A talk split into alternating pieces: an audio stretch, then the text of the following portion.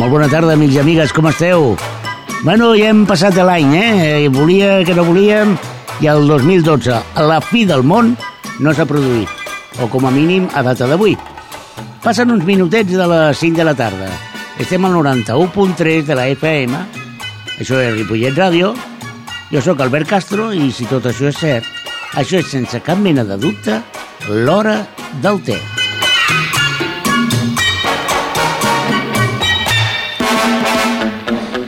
Y hoy tenemos una invitada. Y el tópico, yo ahora aquí podría decir que tenemos una invitada de altura, pero la verdad es que para mí es un verdadero placer, un orgullo y una satisfacción, como diría el rey, de tener hoy aquí con nosotros a Lucila Pascua. Lucila, buenas tardes. Buenas tardes. Lucila Pascua es, sin lugar a dudas, eh, una de las eh, embajadoras de Ripollet eh, eh, por el mundo. Eh, Lucila Pascua es, entre otras cosas, una gran deportista. Ripollet ha sido, yo creo que una de las poblaciones que por metro cuadrado ha dado buenos y, y, grandes jugadores de baloncesto. Y ella es un, es un ejemplo claro. Todo el mundo conoce quizás la figura de Joan Creus, el famoso Chichi Creus. Quizás porque a veces la historia es injusta con las mujeres y sobrevalora algunos aspectos masculinos. No duda cabe no cabe ninguna duda, perdón, que Chichi Creus ha sido un gran jugador de baloncesto, tanto a nivel local como a nivel de selección española, pero para nada tiene que desmerecer nuestra invitada de hoy. Lucila, para quien no lo sepa, pues bueno, eh, en su palmarés, entre otras muchas cosas, oro en el Europeo Cadete en el 99, bronce en los Juegos Mediterráneos del 2001, eh, bronce en el Europeo 2003, bronce europeo 2005, plata europeo 2007, bronce europeo 2009, bronce en el Mundial 2010. Lucila, mm, de unido el palmarés, ¿eh? Sí, bueno, la verdad es que dicho así da, da, un poco de miedo, ¿no? Yo creo, ¿no? Da como, como bueno, como que parece que llevo un montón de años ahí, ¿no? Y, y bueno, y, la verdad es que, que, jolín, miras atrás y son tantas cosas que, que ya a veces hay cosas que ni me acuerdo, ¿no? Siempre, pero bueno, normalmente cuando, te digo, da un poco de miedo cuando dices así todo el tirón, jolín. Parece que me hago mayor y todo. Bueno, mayor no es joven, es asquerosamente joven, sobre todo para los que tenemos ya una edad, pero la verdad es que tiene una carrera dilatada. Bueno, Lucila, la pregunta, la primera pregunta que te tengo que hacer, que es el buque insignia de este programa, es ¿té o café? Café, sin duda. Sin duda. sin duda.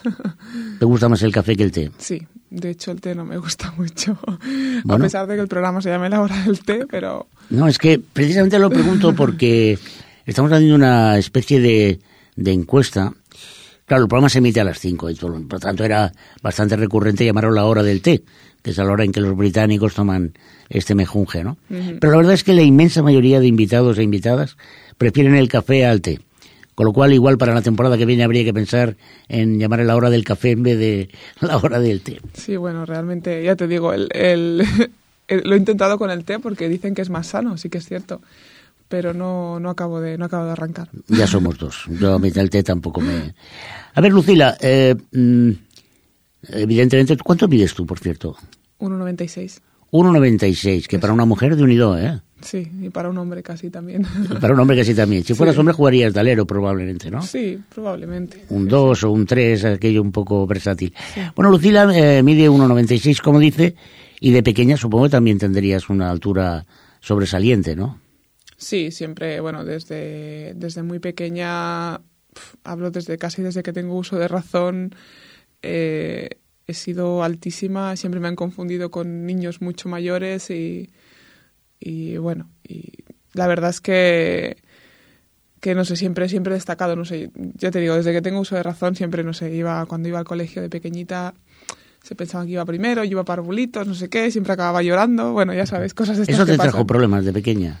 ¿La altura? Eh, hombre, a ver, evidentemente los niños, hay niños muy crueles y, y siempre tienen que ir a, atacar ahí donde, atacar ahí donde, donde más duele, ¿no? Y bueno, yo nunca he tenido ningún tipo de complejo, la verdad, y bueno, ahora todo lo contrario, ahora estoy muy feliz de ser tan alta y, y eso, pero sí que es cierto que de pequeño sí que sí que puedes crear algún tipo de trauma y tal. Claro, y además para ti supongo que a medida que fueron pasando los años, eh, para ti supuso una ventaja porque esos niños que se metían con los más pequeños, cuando te veían a ti dirían, bueno, quizás con Lucila no, no nos metemos, ¿no? Sí, la verdad es que desde muy pequeña me ha ahorrado muchos, muchos tipos de problemas, ¿no? Porque no sé si ya cuando me tenía 11 o 12 años medía un 85 y, y bueno, y todo el mundo pensaba que era mucho más mayor y me ha ahorrado bastantes problemas, la verdad, y le ha ahorrado algún problema que otro a alguna amiga mía, así que ya me lo pueden agradecer.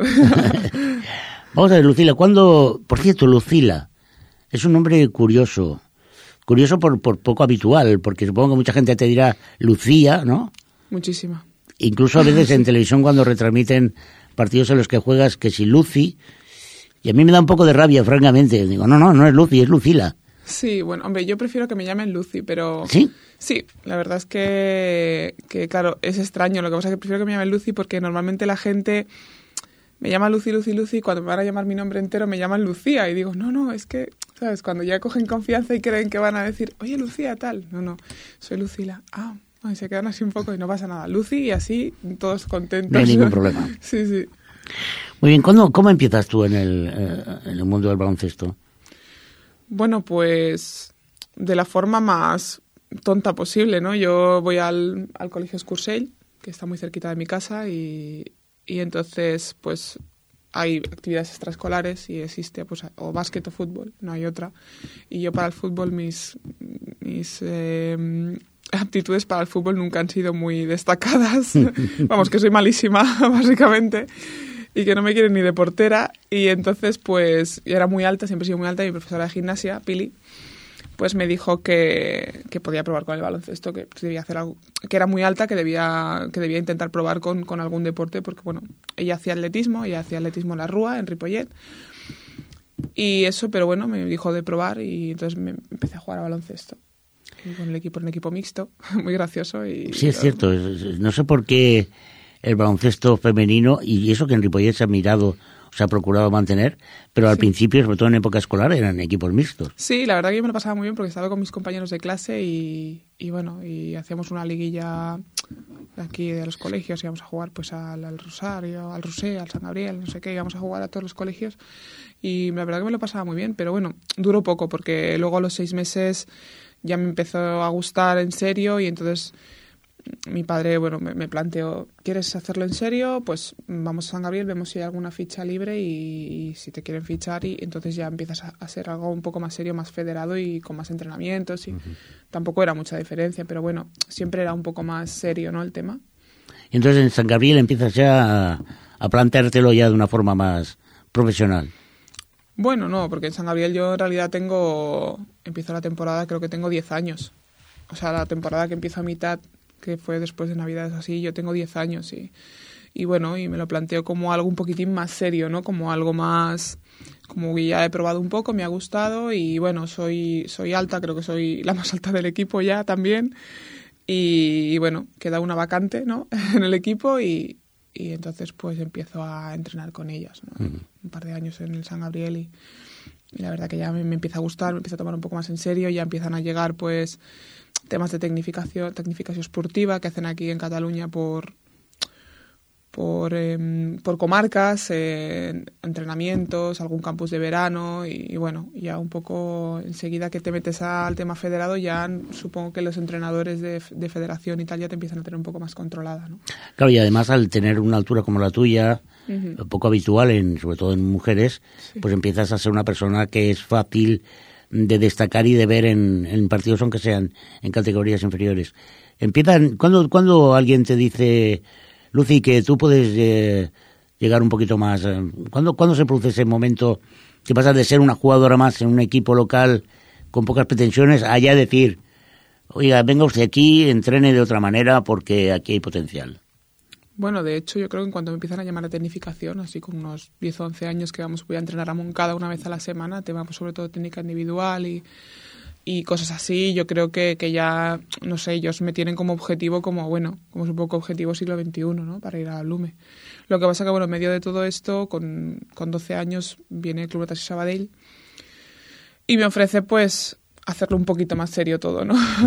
bueno, es eh, un equipo que tiene, en el que yo estoy en el, en el preinfantil, en el infantil, y ya empiezo a entrenar con las cadetes, empiezo a subir con las cadetes, y, y bueno, y realmente, no sé realmente en qué momento alguien dice, supongo que alguien dice, esta chica es altísima y, y hay que intentar encaminarla para que para que llegue, ¿no? Yo no sé en qué momento, pero pero sí que sé que bueno, que con 14 años ya viene después de Sabadell, viene siglo XXI, la Blume me proponen ir, ya esto muy serio, ya es ya es eh, ya es amor por el baloncesto y ya es entrenar a las 7 de la mañana, entrenar a las a las 12 de la mañana y entrenar a las 6 de la tarde y, y todo entre medio de esto, pues ir al colegio, claro, y evidentemente al instituto y, y sacarte y hacerte una mujer de provecho, ¿no? Y bueno, uh -huh. ya en realidad va viniendo todo esto y no, yo no sé en qué punto, ¿no? Pero bueno, yo supongo que en el momento que yo decido ir a la Blume, ya decido, eh, ya decido, o con 14 años ya decido que, que, quiero hacer de esto mi profesión, ¿no? Más que, más, quiero hacer de esto no mi profesión, sino más que mi hobby.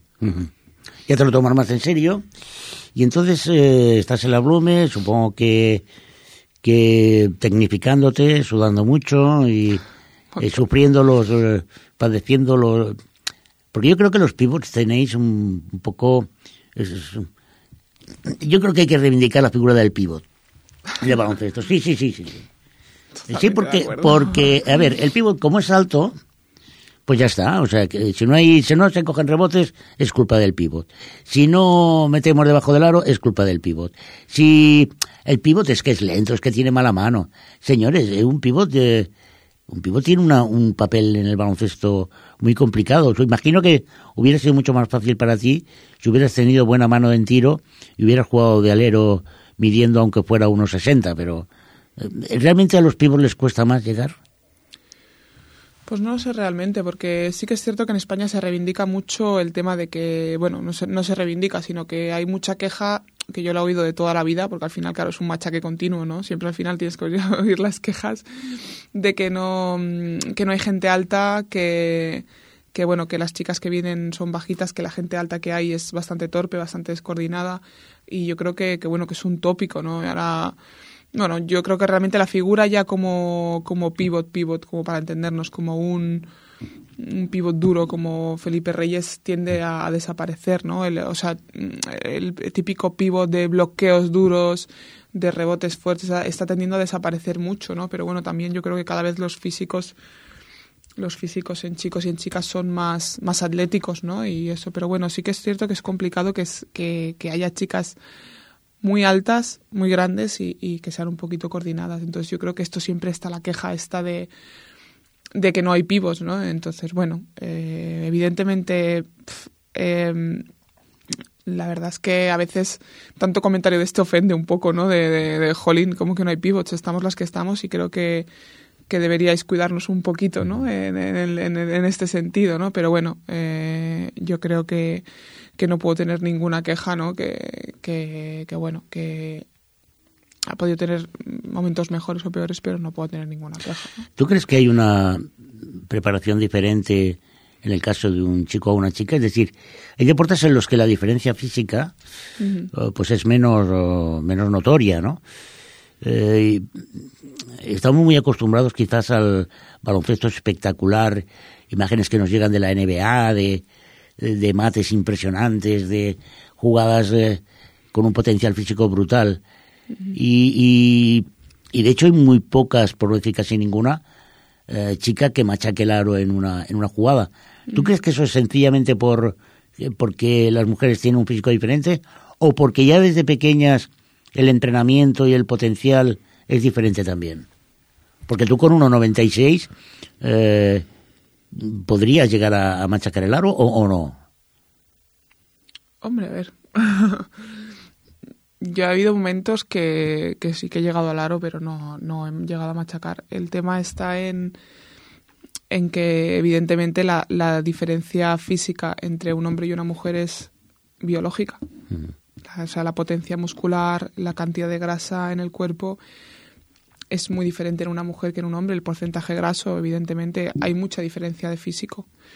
Lo que pasa es que, que bueno, que realmente mm, la gente que le gusta el baloncesto como esencia del deporte, eh, la gente que dice, me voy a mojar con esto. Bien, bien. la gente que dice que, que le gusta el, el baloncesto y reniega del deporte femenino, del baloncesto femenino en este caso, eh, yo creo que, que, no saben realmente lo que dicen, porque la esencia, o sea, yo creo que en baloncesto femenino se ve mucha más esencia de baloncesto.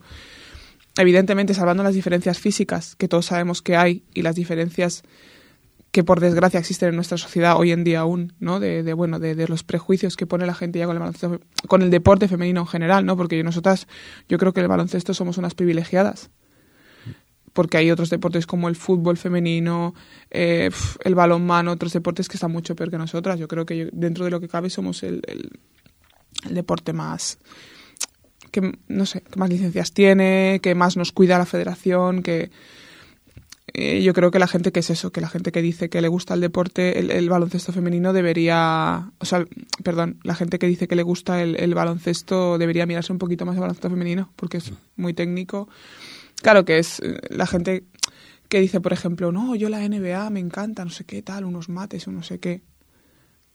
No sé, quiero decir, no sé si, no sé si me he explicado bien, ¿no? La, Perfectamente, gente que, además... Que, que, le gusta el, el, que dice que le gusta el baloncesto debería mirarse un poquito al femenino y no renegar tanto del femenino porque, porque técnicamente y tácticamente es un deporte muy rico, ¿no? Estoy completamente de acuerdo contigo, eh, pero completamente, porque a veces nos, eh, nos engaña y nos esa, esa niebla de, del, eh, del individualismo, ¿no? Eh, yo creo que en el baloncesto femenino, eh, estoy com completamente de acuerdo contigo, se puede ver mucho más claramente un trabajo estratégico, un trabajo más de, de lo que es la esencia del baloncesto, ¿no? Del, de un buen bloqueo, de una continuación. Hombre, evidentemente nosotras eh, tenemos una carencia física respecto a los hombres, biológica, evidentemente, que suplimos, que tenemos que suplir con otras cosas. Llámese técnica, llámese táctica, llámese actitud, llámese lo que sea. Entonces, eh, bueno, yo creo que realmente la gente que dice que le gusta baloncesto debería, mucha gente que dice que le gusta baloncesto debería no renegar el baloncesto femenino porque es un deporte muy rico, ¿no? Yo creo, y, y bueno. Y... Por desgracia, muchas veces el éxito o incluso la popularidad, que es lo que lleva a que niños y niñas jueguen a un determinado deporte, uh -huh. lo marcan los medios de comunicación, en concreto la televisión. Eh, eh, últimamente os están cuidando bastante bien al baloncesto femenino, sobre todo en teledeporte. Prácticamente cada semana retransmiten uno o dos partidos de la Liga Femenina. Yo creo que esto es importante. ¿Os, os sentís bien, bien tratadas a este nivel o, o no? Bueno, yo realmente ahora en Salamanca eh, estoy viviendo una experiencia que, que, nunca la vida la había vivido, ¿no? O sea, un pabellón de 3.500 personas lleno cada día, la prensa totalmente volcada, eh, la gente, los fans totalmente volcados, cada partido te animan, te apoyan, es algo increíble, ¿no? Yo creo que en Salamanca, que hay muchas ciudades de España que deberían aprender mucho de, de la gente de allí, ¿no? De cómo se vuelcan con el deporte, de cómo se vuelcan con nosotras ya personalmente, ¿no? Realmente ahora está todo como un tema un poco más uh, nacional, pero sigo pensando que, que bueno, que, que, el deporte femenino solo tiene cabida en momentos en los que hay unas olimpiadas o cada y bueno, yo creo que no teníamos que esperar cuatro años para, para saber que existe, que existe gente que entrena sabes que aunque todo el mundo diga que somos unos privilegiados, que yo creo que lo somos, gente que entrena mañana y tarde que se está dejando los cuernos cada día entrenando y que, y que encima para, para colmo estás lejos de tu familia, de, lejos de tus amigos, estás mm, totalmente, vives por y para ello, ¿no? Uh -huh. y, y, bueno, y, y, la verdad es que yo creo que bueno, que debería, debería notarse un poquito más todo, todo este trabajo, ¿no? Un poquito más de, de recompensa, ¿no? Que no todo se lo lleve el fútbol, también. También hay que decirlo. Completamente de acuerdo. Lucila, ¿cuándo das el salto al, al baloncesto profesional?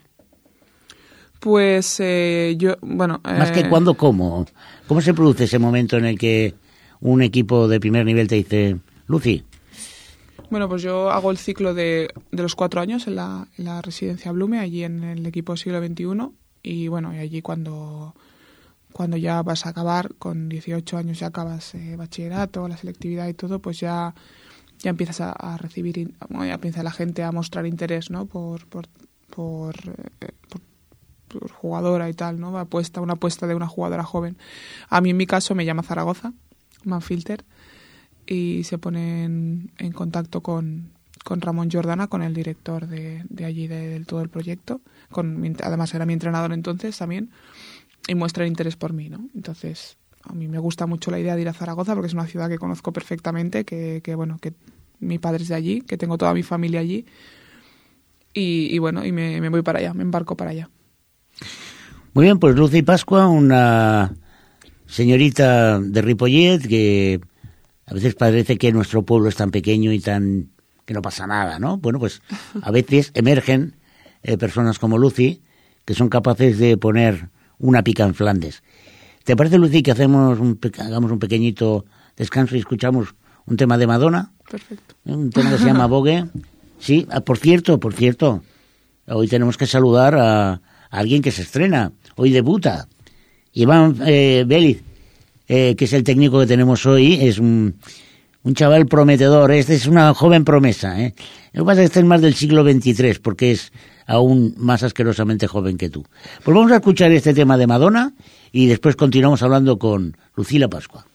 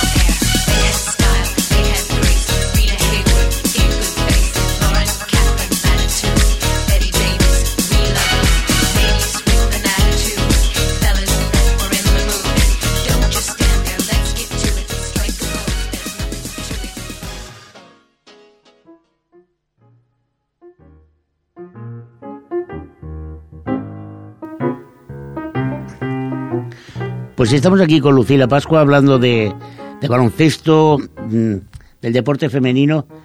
Lucila, yo creo que tiene que, Lucy, tiene que haber un, un momento en la historia de un deportista que, que debe marcar una, un, hito. Y es cuando te llaman de la selección española para que juegues en... Ese momento tiene que ser fuerte, ¿no? ¿Cómo fue? Bueno, pues para mí una emoción increíble, ¿no? Yo creo que mm, había estado ya en, categorías inferiores, ¿no? Había estado en, bueno, en infantiles en un torneo de la amistad que había ido a Italia y luego en, en cadete que ganamos el, el oro en el europeo cadete en Rumanía. Y, y, bueno, la verdad es que ya ese mismo verano que, bueno, juego en Zaragoza y, y recibo la, la llamada de la, de la... Bueno, no, realmente acabé la residencia Blume, ficho en Zaragoza y ese verano me llaman ya para la selección con 18 años.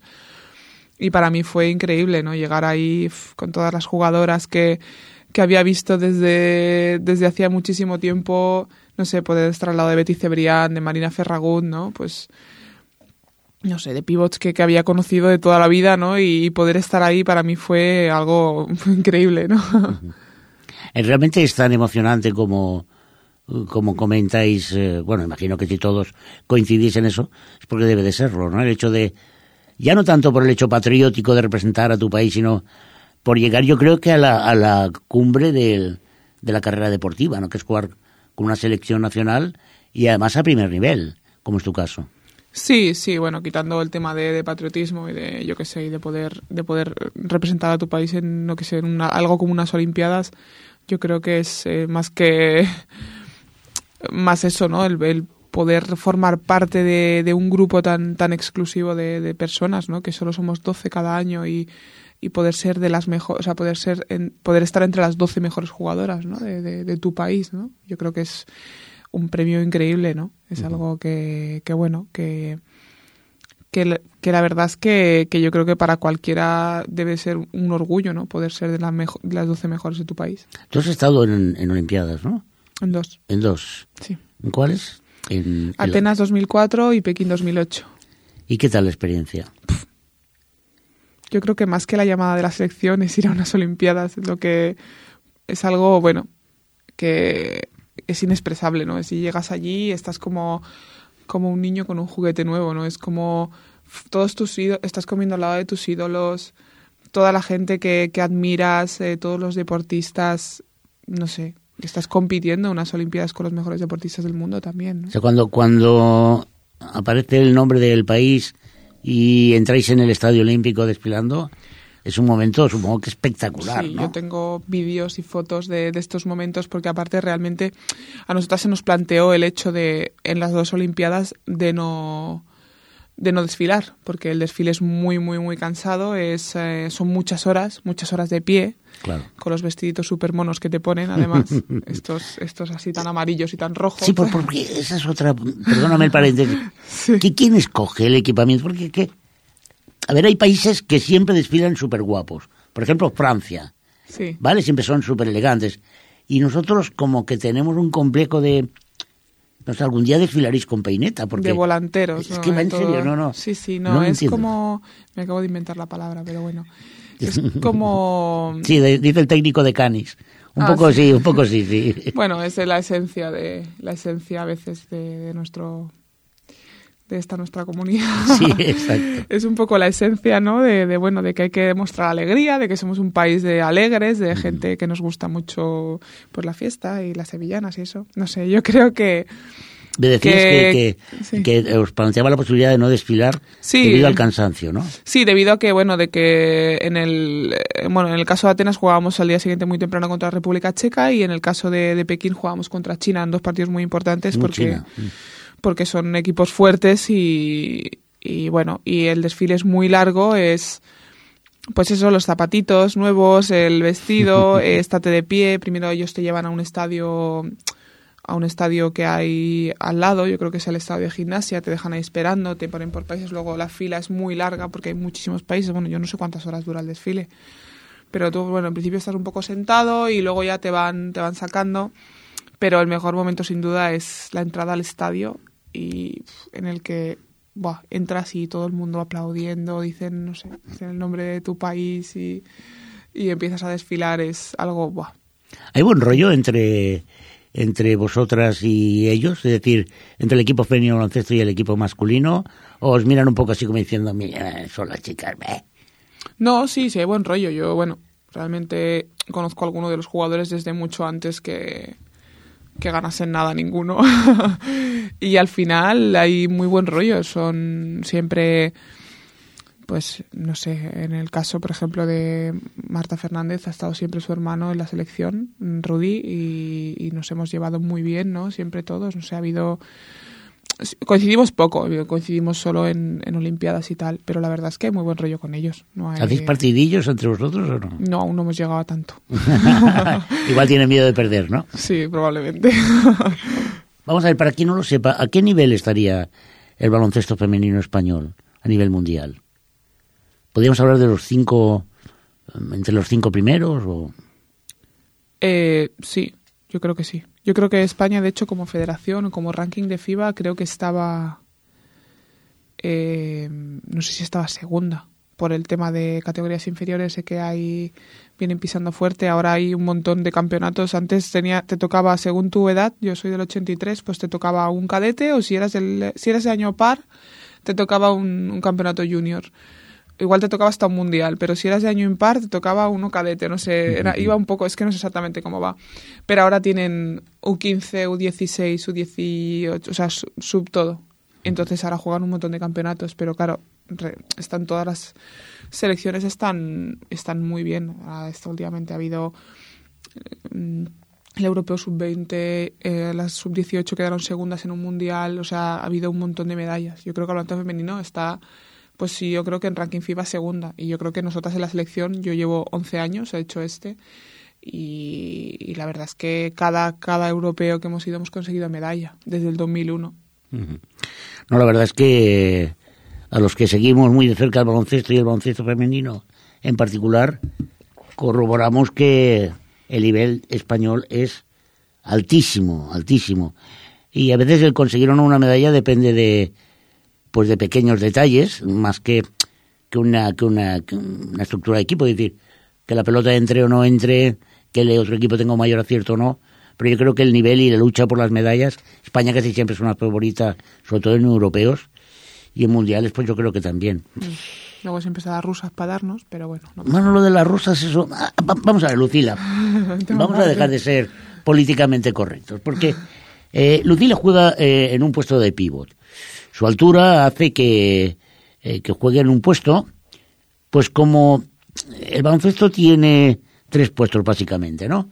Está el base, que es el que, normalmente es el bajito, que es el que sube la pelota. Están los aleros, que juegan, pues eso, en las alas, y que su misión sería, entre otras cosas, meter canastas de triple. Y luego están los pivots, que los pivots son señores muy altos, o señoras en este caso, que están por ahí peleándose, partiéndose el cobre, y nunca mejor dicho, para mirar de conseguir cosas.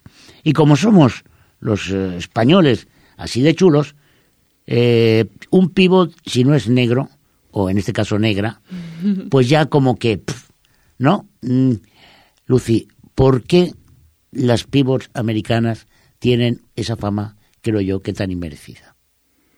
Un poco por marketing o porque realmente son muy, muy, muy buenas.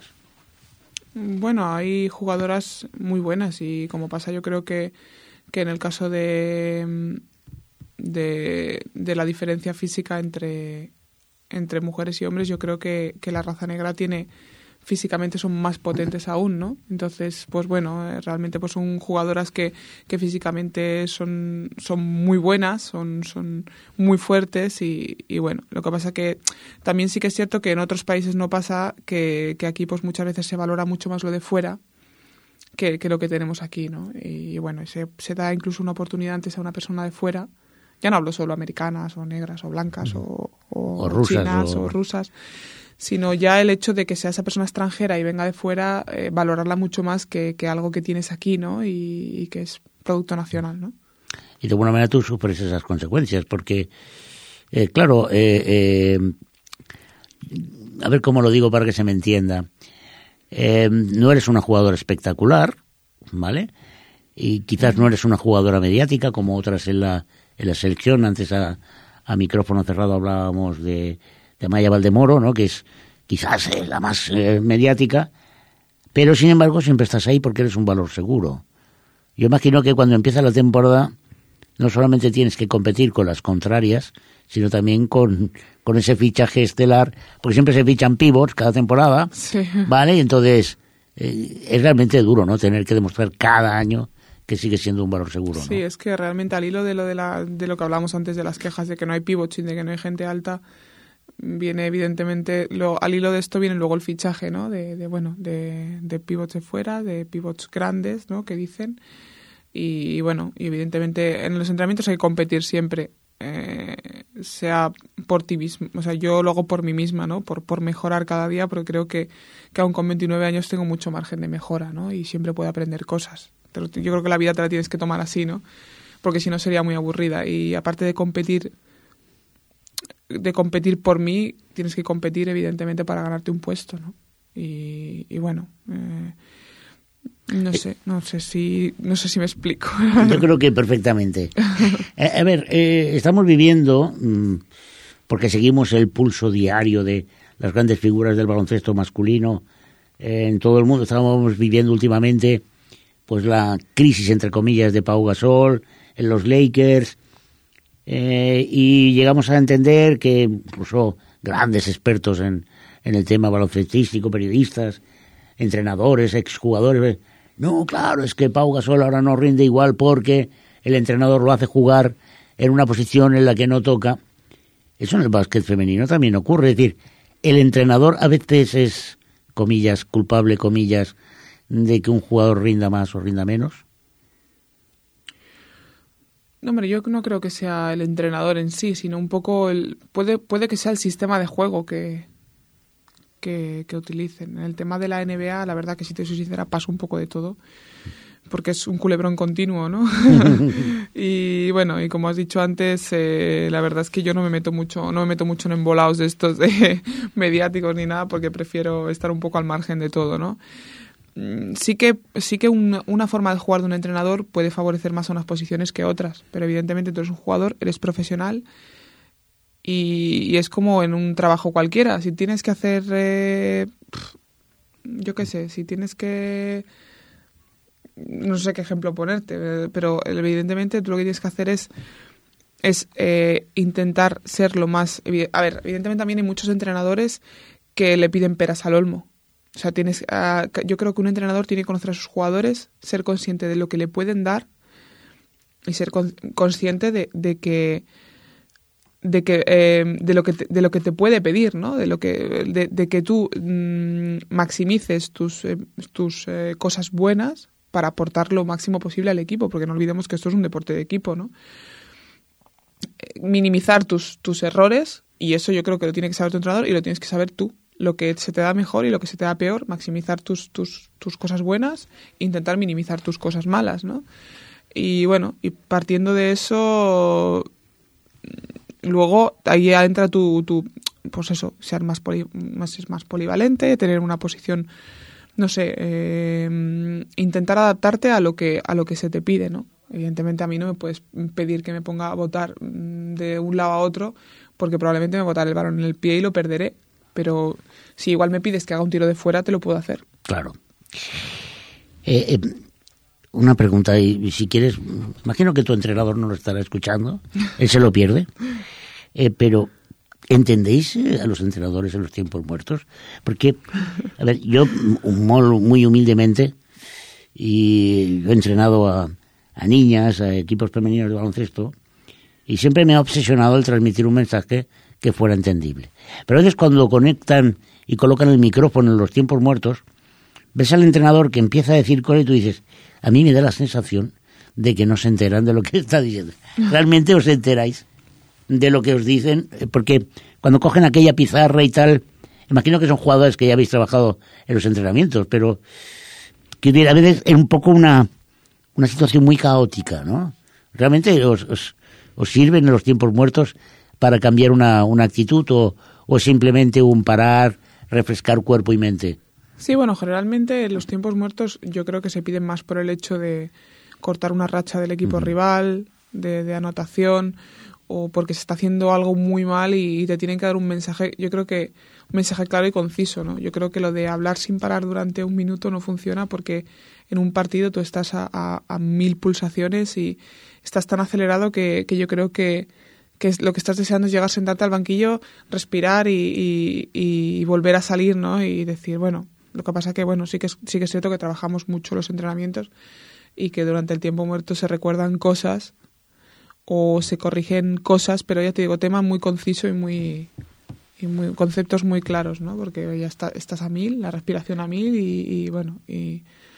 Tú comentabas antes que en, en, Salamanca, en el Perfumerías, que te fichabas en la temporada pasada, si no recuerdo mal, y hablabas del pabellón lleno. Realmente cuando salís a calentar antes del partido y veis un pabellón, tanto sea con afición vuestra o contraria, es, es completamente diferente a ir a un pabellón vacío y frío y realmente el público se nota, lo vivís de manera que podáis cambiar la inercia de un partido. Sí, la verdad es que, que realmente el público de Salamanca es increíble. Es todo el partido, se pasan todo el partido animando. Y además recuerdo jugando el partido contra Roscasares de la, de la final de Liga, el segundo partido jugamos en Salamanca. La gente se levantó, estuvieron cinco minutos cantando Vamos Avenida, vamos campeón, como locos. Y, y fue algo increíble. O sea, íbamos perdiendo de 20 contra Ross, se acababa la liga y la gente se levantó y, nos dio las gracias a su manera, ¿no? Y bueno, fue increíble. Tiran de ti cuando, cuando parece que el equipo... Tiran de ti cuando el equipo está bien y, y cuando está mal te dan ¿sabes? Ese, ese empuje, ¿no? Y para el otro equipo yo creo que, que es que venir a Salamanca es duro, ¿no? Porque, ostras, porque vas a Salamanca, hay 3.000 personas ahí intentando, ¿sabes? Y bueno... Además es la afición que se desplaza con vosotros, ¿no? Sí, muchas porque veces... Porque en la final de la Copa de la Reina... Eh, allí había mucha afición de Salamanca. Muchísima ¿eh? gente, muchísima. Que por cierto, ganasteis. Sí, el, argandazo que le llaman.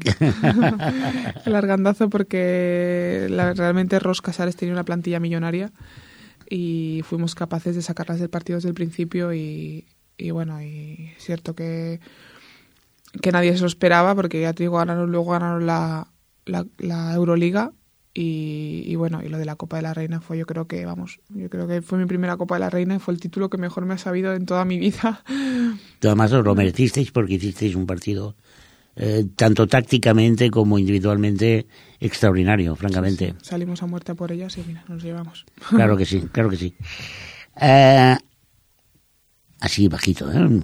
¿Hay buen rollo en los equipos o, siempre está la típica figurita que, ay, es que me has pasado mal la pelota, y es que... bueno, por general, a tónica general, hay muy buen rollo en el equipo. Siempre hay alguna, pues, pues bueno, que, que es... Evidentemente cada uno es su padre y de su madre, y cada uno y cada uno tiene sus manías, ¿no? Pero bueno, eh, luego somos todas muy civilizadas y nos llevamos muy bien. Sí. sí. no sé, no sé. Eh, recuerdo una, una, una anécdota con Lucila, eh, me parece que hace tres o cuatro años. Eh, nos encontramos por la calle, eh, yo la conocí obviamente porque además soy un gran aficionado al baloncesto. Yo por entonces entrenaba un, un equipo femenino, le pedí que viniera al entrenamiento un poco con la casi con la certeza de que me diría que muy amablemente pues que lo sentía, que no podía, que estaba ocupada. ¿Y cuál fue mi sorpresa? Cuando me dijo que sí. Y no solamente me dijo sí, que sí, sino que vino al entrenamiento. Y recuerdo perfectamente la cara de mis jugadoras cuando la vieron aparecer, es más, entrenó con ellas, y hubo algo que me, que me llamó poderosamente la atención, ¿no? Y es como hay una época en la, sobre todo en las chicas, eh, donde eh, la feminidad pesa sobre cualquier otra cosa. Estoy hablando de la época adolescente, ¿no? Eh, y realmente para una chica que practica deporte, y además deporte en serio, eh, muchas veces eh, cuesta el hecho de plantearse el salir a una pista, el sudar, el, el, renunciar a esa coquetería innata de, de la mujer para, para, pues para darlo todo en una pista, ¿no?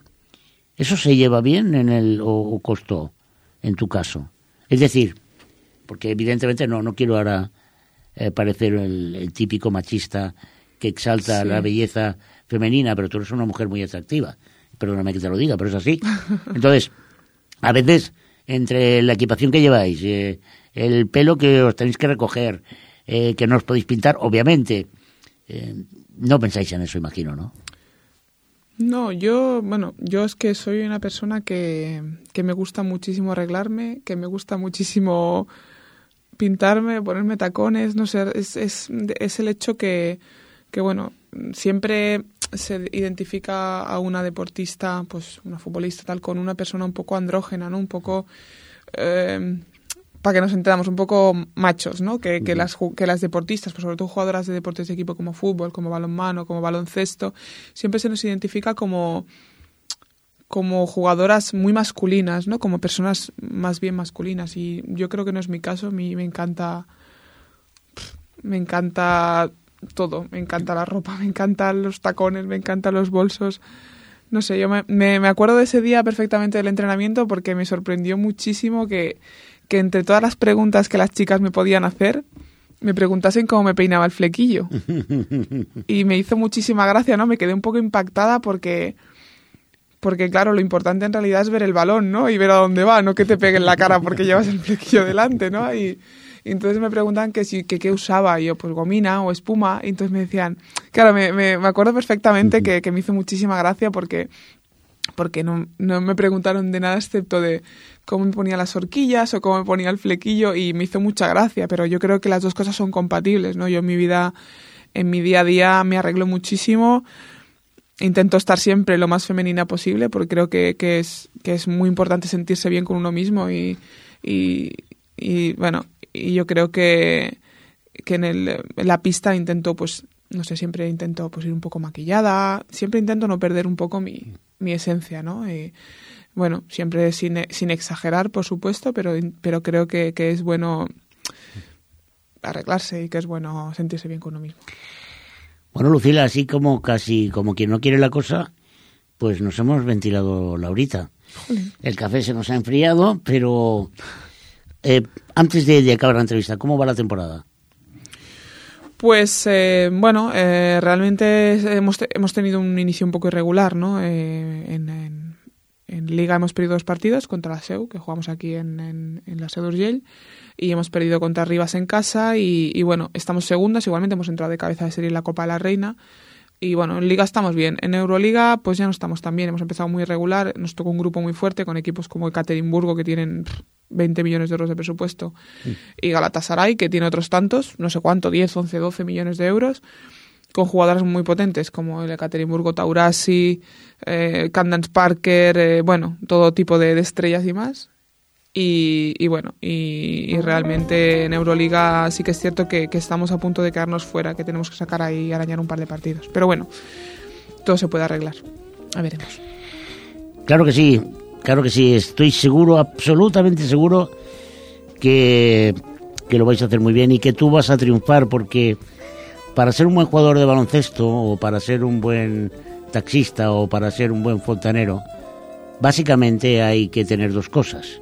Una, conocer el oficio y tú lo conoces, pero sobre todo ser una buena y gran persona y tú, por supuesto, lo eres. Lucila, mm, mil años viviera, mil años te estaría agradeciendo tu presencia aquí. Te deseo toda la suerte del mundo. Eh, que sepas que cuando juegas alguien te está mirando y está diciendo, ¿ves? Esta chica sí, esta chica sí. Aunque no sea negra, aunque no sea americana o rusa, pero es, pero nuestra pivot. Bueno, pues eh, nos hemos quedado sin tiempo. Pero no hay problema, porque si queréis volver a oír el programa el, el domingo, el domingo a las 5 se repite. Sí, sí. Pero si si veis que el domingo no llegáis a tiempo, porque lo que sea, en ripolletradio.cat podéis descargaros este programa y cualquier otro que se haya emitido en Ripollet Radio y oírlo tantas veces como queráis. Saludos a, a Iván Belir. Lo has hecho bastante mal, ¿vale? Tendrás que repetir, ya lo sabes. No, lo ha hecho fantástico. Y bueno, a ti, Lucila, darte un cariñoso y cordial abrazo y deseando pues que nos volvamos a ver para que me comentes que habéis ganado todo lo que esté en juego. Ojalá, ojalá pronto sea. Muchas gracias a vosotros. Por muy bien, señoras, señores, nos vemos el próximo jueves, aquí en Ripollet Radio, en Lora del.